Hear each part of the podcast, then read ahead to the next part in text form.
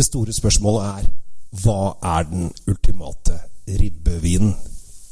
Det kanskje jeg kan hjelpe deg med.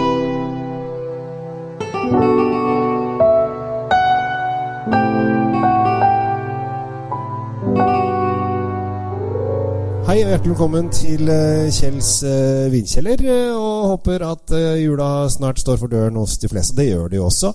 Og her er jo da den store snakkisen.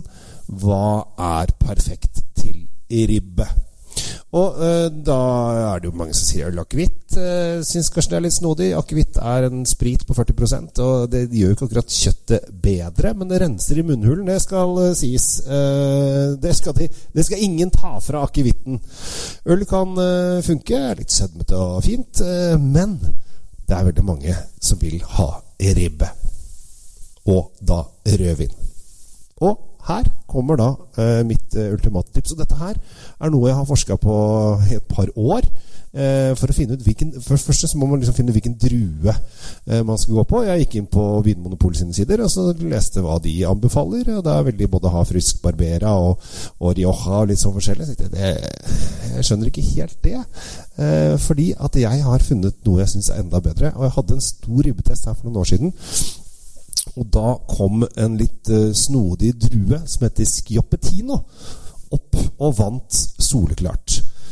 Problemet med Schioppettino er at det er nesten ikke noen viner å få tak i på denne druen Schioppettino. Eh, og det er ikke så rart, fordi at på 1960-70-tallet i Nord-Italia så var det veldig trendy at alle skulle lage de store internasjonale druene, Merlot Cabernet osv. Så, videre. så de nappa opp alt de hadde av eh, lokale, gamle druer, og da gikk spesielt hardt utover Schioppettino. Faktisk en periode var det ulovlig eh, å lage disse eh, gamle druene. De skulle bort, og det var uvederstyggelighet, og det skulle vi i hvert fall ikke ha.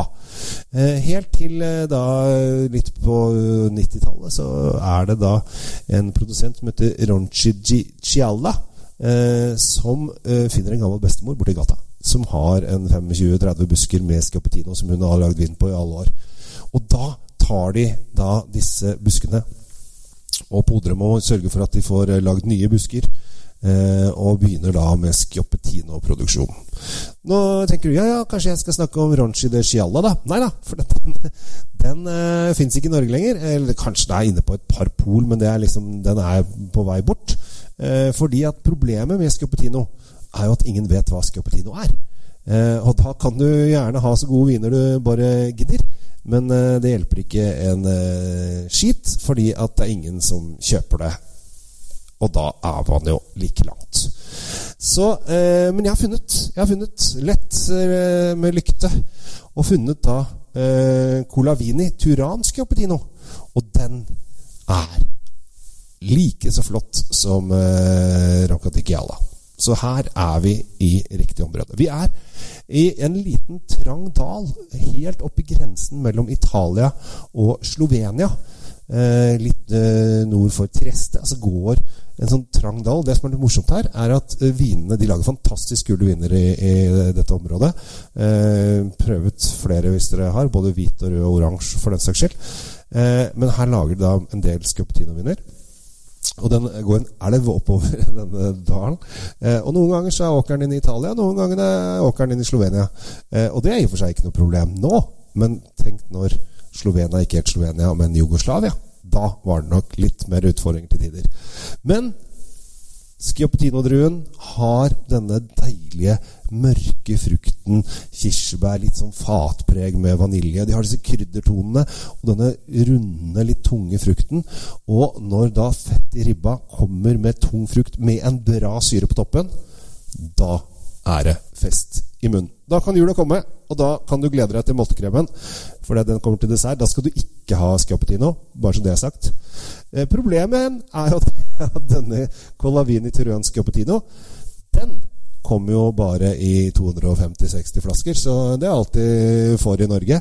Så hvis du vil prøve min ultimate ribbevin på rødt, så har du tiden av veien. For dette her tror jeg kan forsvinne fort. Det må bestilles inn. Eh, det er eh, ikke et eneste pol som har, eh, har disse her i hyllene. Og jeg håper jo Og jeg har hørt rykter om at Kongelig Norsk Vinmonopol skal satse litt på Scoptino i 2022, så vi får inn dette her. For, dette, for første så passer det veldig bra til norsk ribbe. Det passer også bra til grillmat av svin. Uh, så, eller porchetta, som det heter. Disse rullene. Ribberull og sånne ting. Porchetta er fantastisk. Og hvis det passer til porchetta, så passer det ofte til ribbe. For det er egentlig bare det samme, bortsett fra det er snurra på en annen måte. Så uh, prøv dette frem. Jeg er ganske sikker på at du kommer til å bli fornøyd. Jeg skal ha Colavini Tioran Scuptino på julaften til ribba, og det gleder jeg meg til. Og da skal jeg smile fornøyd og se på ungene mase om at de snart må bli ferdig med dette lange måltidet, så vi kan åpne julegaver. Og så skal jeg si nei, nei, pappa må bare ha et glass til med Scuptino. Og så skal jeg få lov. Og husk multekremen først.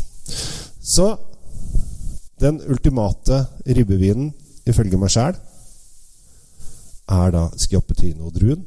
Og i og med at det ikke fins noe særlig annet Hvis du kommer over noe annet Schioppettino, så prøv det også. Det, men jeg har fått tak i én, i hvert fall. Som er da Colavini Turan Schioppettino. Og den vet jeg funker. Med det, ta vare på deg sjæl. Og spis masse ribbe. Ribbe er fantastisk godt. Jeg pleier å kjøpe en fem, seks, syv, åtte ribber og legger i frysen og bruke de utover hele året, både til asiatisk ribbe og, og parketta og andre ting som man kan uh, bruke det resten av året også. Så ta vare på deg sjøl. Nå ble jeg sulten, jeg. Nå må jeg gå og tenke litt på ribbe. Kjell Gammel Henriks, takk for nå. Ha det bra.